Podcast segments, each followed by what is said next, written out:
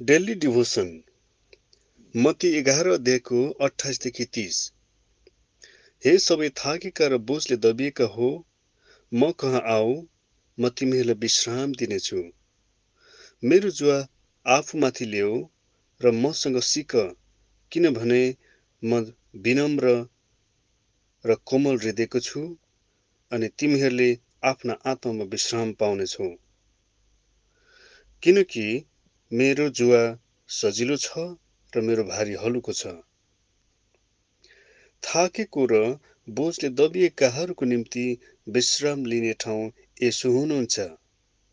यसुले हाम्रो सबै पापको बोझ लिइदिनु भएको छ र स्वतन्त्रतामा आत्मिक विश्राम दिनुभएको छ। यसुले दिनुहुने विश्राम व्यवस्थाको पालनबाट वा धर्म कर्मबाट पाउन सकिँदैन। यसुलाई विश्वास गरेपछि उहाँले हाम्रो गह्रौँ जुवा लिएर उहाँको हलौँ जुवा दिनुहुन्छ। त्यो हलुको जुवा भनेको व्यवस्थाको आज्ञा पालन होइन यसुको आज्ञा पालन हो। यसुलाई प्रेम गर्ने सबैले उहाँलाई पछ्याउन र आज्ञाकारी बन्न चाहन्छन्।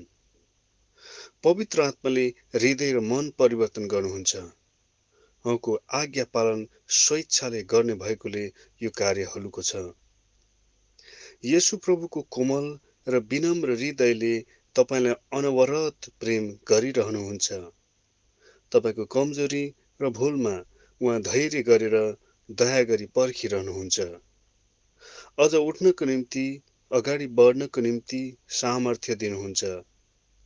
उहाँको विनम्र र कोमल दयालु हृदयकै कारण तपाईँले जतिसुकै खराब गरेको भए तापनि तपाईँले क्षमा दिनुहुन्छ।